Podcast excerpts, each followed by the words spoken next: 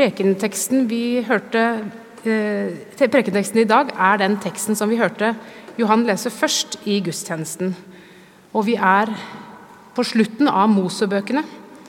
Lovene er gitt, steintavlene er mottatt, og israelsfolket skal snart gå inn i det lovede land. Det landet dere går inn i og skal legge under dere, hørte vi om. Altså Israel. Hva er eh, vårt Israel? Hvilket land går vi inn i? For også vi legger verden under oss, bemektiger oss virkeligheten. Det gjelder steder, men først og fremst gjelder det tid.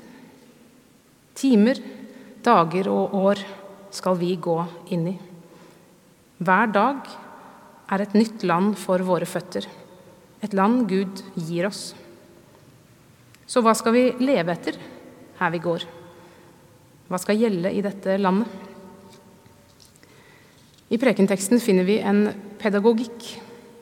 Det handler om hva vi skal binde til vår kropp, hva vi sier til barna, hva vi skal snakke om i våre hus og ute på veiene, dvs. Si samfunnet. Og pedagogikken er en påminnelseslæring. Det er jo dette reklame ofte handler om. Å spikre opp budskapet på portstolpene, slik at vi ikke skal glemme. Men huske på Coca-Cola, huske på McDonald's, huske på at det er sunt å spise seks grønnsaker om dagen. Det henger mange bannere ved våre veier og portstolper i dag. De minner oss på hva ulike krefter rundt oss vil at vi skal huske. Og slik skapes kultur. Med bannere tråkker vi opp veiene for hverandre. Med våre ord og handlinger skaper vi muligheter og begrensninger for flere enn oss selv. Hva er det vi skal huske og gjenta for våre barn for å skape deres livsrom? Eller hvilken kultur vil jeg skape for menneskene rundt meg? Denne teksten inneholder den jødiske trosbekjennelsen, Shema. Hør, Israel, Herren er vår Gud, Herren er én. Og etter denne bekjennelsen kommer det et skal. Du skal elske Herren din Gud av hele ditt hjerte og av hele din sjel og av all din makt. Det er ikke bare troen, altså. Det er også kjærligheten kjærligheten fra mennesket til Gud. Den er det jeg skal binde om hånda og ha som et merke på min panne. Den er det som skaper kulturen rundt meg. Jeg tror vi vet sånn cirka hva det er at Gud har elsket verden. Vi vet hva det er at vi skal elske hverandre. Nestekjærligheten den utfordrer oss, men vi vet hva den er. Men så kommer dette vanskelige og voldsomme budet om å elske Gud. Hvordan kan jeg elske noen jeg ikke ser eller har et klart bilde av? Eller kanskje det ikke er vanskelig for dem av oss som kommer lett til følelsene, eller for dem som har en sterk erfaringsdimensjon i troen. Men for oss andre er det vanskelig. Jeg syns budet om å elske Gud er vanskelig. For objektet for kjærligheten, det unndrar seg. Og samtidig synes jeg det er vakkert og tiltrekkende. Jeg er kalt til å elske Gud. Selv om jeg ikke vet helt hva det er å elske Gud, så vet jeg noe om hva det vil si å elske et menneske. Vi uttrykker en slik kjærlighet med vår omtanke, med våre handlinger med å tenke og snakke godt om hverandre. Det er mulig å gjøre disse tingene, også overfor Gud. Gjøre vel, snakke vel, synge om Gud og til Gud. Da elsker vi med våre krefter eller vår makt, som det står i teksten. Men så er det en komponent til i kjærligheten. Og det er det vi gjør med følelsene våre. Det som skjer i hjertet. Det er å føle ømhet og hengivenhet. Å ønske den andre. Å ønske Gud. Kan jeg pålegges det? Eller kan jeg pleie og nære en slik kjærlighet, slik at den får godt jordsmonn. Det er morsdag i dag, og i morgen er det valentindagen. De to dagene er ganske passende omgivelser for dagens tekst, syns jeg. Morsdagen er en dag for å markere at kjærligheten mellom mor og barn ikke bare går fra mor og til barn, men også fra barn og til mor. Hvorfor har vi dager for sånt? Vi har f.eks. ingen barnedag, da foreldre markerer sin kjærlighet til sitt barn.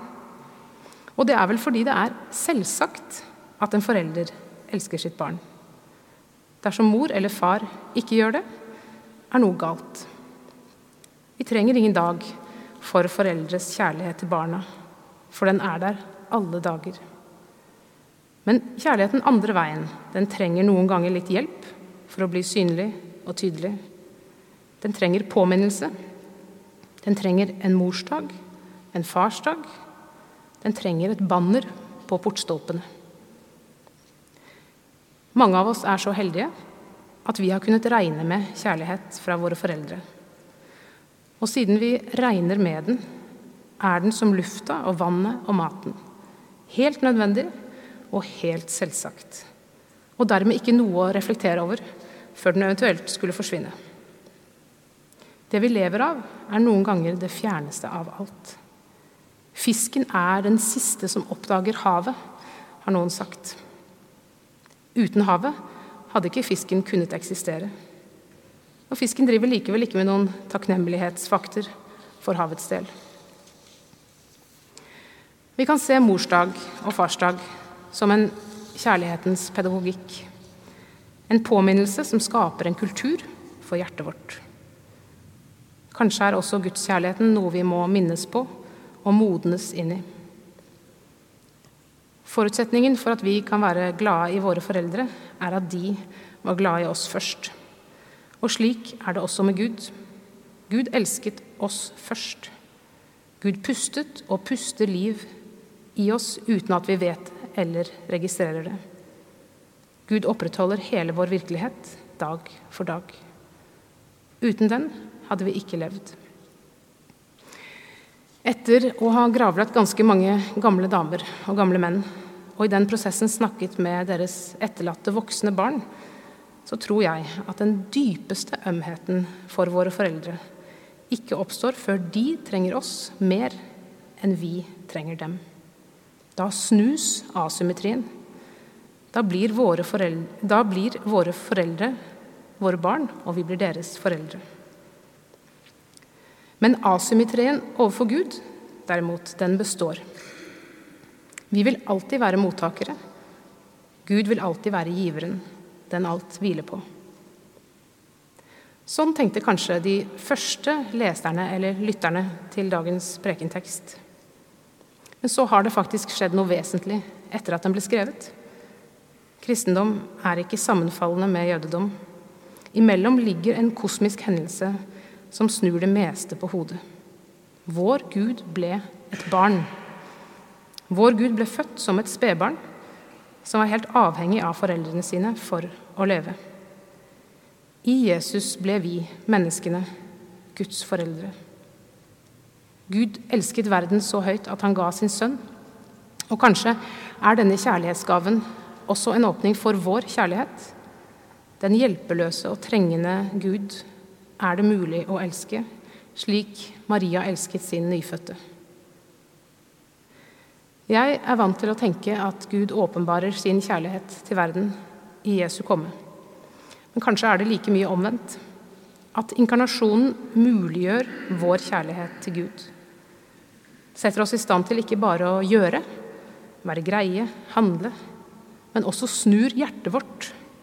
Skaper hengivenhet Kanskje er det slik at Gud også trenger vår ømhet og utsatte seg for den største risiko for å skape den. Teksten fra 5. Mosebok er optimistisk når det gjelder vår kjærlighet til Gud. Den er mulig, den kan pålegges. Teksten fra evangeliet om såmannen og åkeren ser det annerledes. Midt blant den gode veksten vokser noe som såmannen ikke har plantet, og ikke vil ha i innhøstingen. Det lar seg ikke rykke opp. Jeg kan ikke elske Gud med samme kraft som jeg tror Gud elsker oss med. Også i våre hjerters åker blander kjærligheten seg med ugress. Sånn er livet i verden. Dette er realisme. Derfor tror jeg at vår kjærlighet til Gud alltid vil bære lengselens merke. Gud unndrar seg fortsatt. Vårt hjerte er urolig inntil det en gang vil finne sin hvile i Gud. Derfor fortsetter vi påminnelsesarbeidet. Henger opp bannere på portstolpene. Feirer morsdag. Feirer gudstjeneste. Snakker og synger om Gud.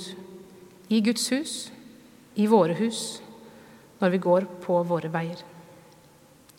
Ære være Faderen og Sønnen og Den hellige ånd, som var, er og blir en sann Gud fra evighet og til evighet. Amen.